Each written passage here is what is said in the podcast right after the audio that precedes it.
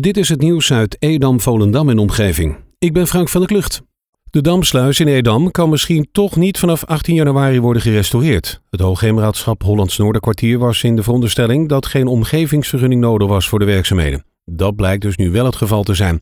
Dat schrijft het Noord-Hollands Dagblad. Tijdens de restauratie van het Rijksmonument aan de voorhaven worden de sluismuren, frontmuren en bruggewelf onder handen genomen.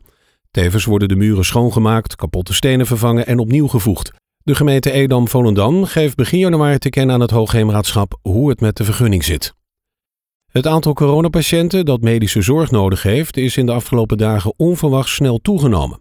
Landelijk is gevraagd om het aantal bedden voor coronapatiënten uit te breiden. Dit is alleen mogelijk door een aantal operaties vanaf maandag 28 december uit te stellen, zodat er personeel vrijkomt voor de coronazorg. De operaties die worden uitgesteld betreffen operaties die medisch gezien langer dan zes weken kunnen wachten, zoals heupoperaties, liesbreuken en cosmetische ingrepen. Polieafspraken en spoed gaan gewoon door. Zoals elk jaar organiseerde Rotary Monnikendam ook deze decembermaand de Sterrenstralenactie voor het goede doel. Anders dan andere jaren koos de club vanwege de beperkte maatregelen voor een decemberactie op afstand. Op dinsdag 22 december werd de opbrengst daarvan bekendgemaakt. De afgelopen anderhalve maand zijn de leden van de Rotary aan de slag gegaan met de verkoop van unieke Waterlandse verjaardagskalenders. Dankzij diverse sponsoren, de verkoop van de kalenders en een bijdrage van Rotary Foundation in de vorm van het District Grant kon een bedrag van maar liefst 13.000 euro overhandigd worden. Dinsdag ging het twee keer mis bij het inzamelen van het restafval in de Purmerendse wijk Weidevenne. In beide gevallen ging het om incidenten die veroorzaakt werden door het weggooien van klein chemisch afval bij het restafval. Een weggegooid elektrisch apparaat bevatte vaak een oplaadbare accu en dat is een klein chemisch afval en dat moet dus in de milieustraat worden afgegeven. In een vuilniswagen met een pers kan zo'n accu oververhit raken en daardoor kan de lading in brand vliegen. Dat gebeurde dus ook in Weide-Venne. Ook verfblikken horen in de milieustraat thuis.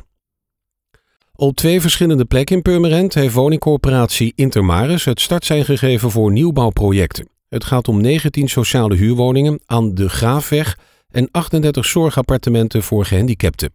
Met de ondertekening van de benodigde contracten kan de coöperatie nu van start. Ondernemers en maatschappelijke organisaties hebben er samen voor gezorgd dat er in heel Zaandam op verschillende gebouwen rode harten geprojecteerd worden. Het initiatief is bedacht door het bedrijvennetwerk De Zaanse Uitdaging, geïnspireerd op het rode hart op het fabriek van Taat en Lyle in Koog aan de Zaan. Met de rode harten willen ze hoop geven, verbindingen leggen en mensen bewust maken dat vele kwetsbare en eenzame zaankanters extra steun goed kunnen gebruiken. FC Volendam treedt in de achtste finale met de Toto KNVB-beker thuis aan tegen PSV. Zaterdagavond werden de Volendammers tijdens de loting gekoppeld aan de Eindhovenaren. Het duel om het ticket voor de kwartfinale wordt gespeeld op dinsdag 19 januari om 9 uur. De mogelijke kwartfinale wedstrijd gaat gespeeld worden op een vreemde bodem. De tegenstander hierin wordt op een later moment bekendgemaakt. De gemeente Landsmeer nodigt alle jongeren uit om in de kerstvakantie mee te doen aan de Sport Challenge. Van 28 december tot en met 1 januari komt er iedere dag om 4 uur een sportieve challenge online op de Facebookpagina van Link Jongerenwerk Landsmeer.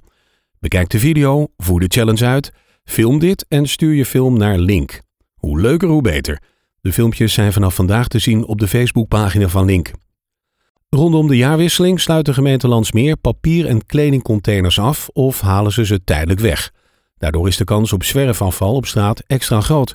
Ze verzoeken je daarom in de periode van 29 december tot 4 januari geen afval te plaatsen naast de afgesloten container of op de locatie waar normaal een container staat. Vanaf maandag 4 januari zijn alle containers weer beschikbaar.